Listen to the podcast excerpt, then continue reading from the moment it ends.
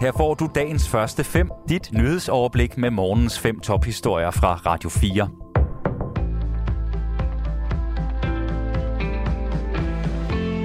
Det er mandag den 26. september. Mit navn er Asbjørn Møller.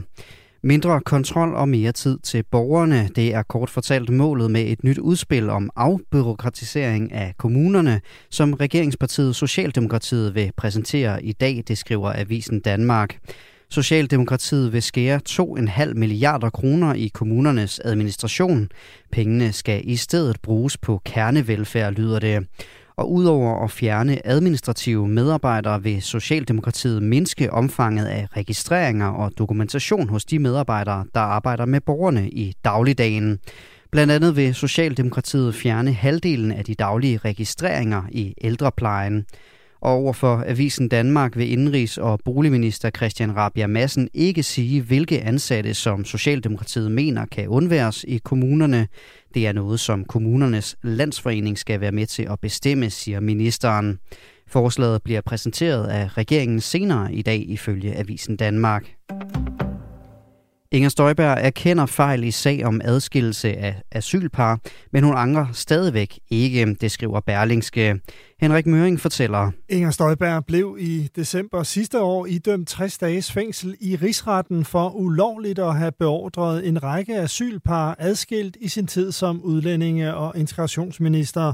Ni måneder senere erkender hun nu i et interview med Berlinske, at dommen var en konsekvens af, at hun havde begået formelle fejl i sit virke som minister.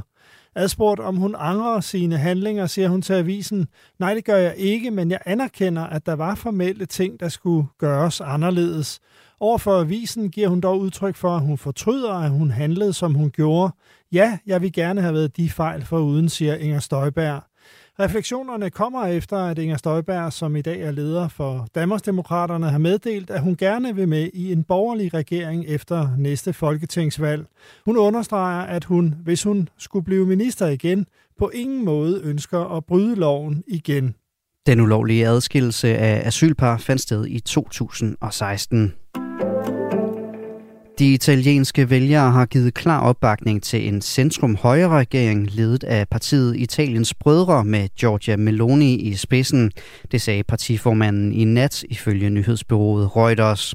Forløbige resultater viser, at højre-koalitionen har fået omkring 43 procent af stemmerne, og at koalitionen er godt på vej til at få flertal i parlamentet i Italien.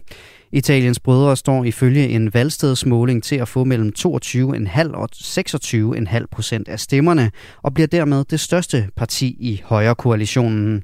Ved forrige valg fik partiet bare 4 procent af stemmerne. Det demokratiske parti, som er søsterparti til det danske Socialdemokrati, har erkendt valgnederlaget. Og hvordan en kommende regering så kommer til at se ud, er endnu ukendt, men det forventes at blive en trepartskoalition, som udover Melonis Italiens brødre vil bestå af Lega og Forza Italia, som er ledet af henholdsvis Matteo Salvini og Silvio Berlusconi. Og fra højrefløjs politikere fra Tyskland, Polen og Frankrig er der kommet lykønskninger til Giorgia Meloni. Tyskland ønsker et forbud for russere mod at købe hus i EU.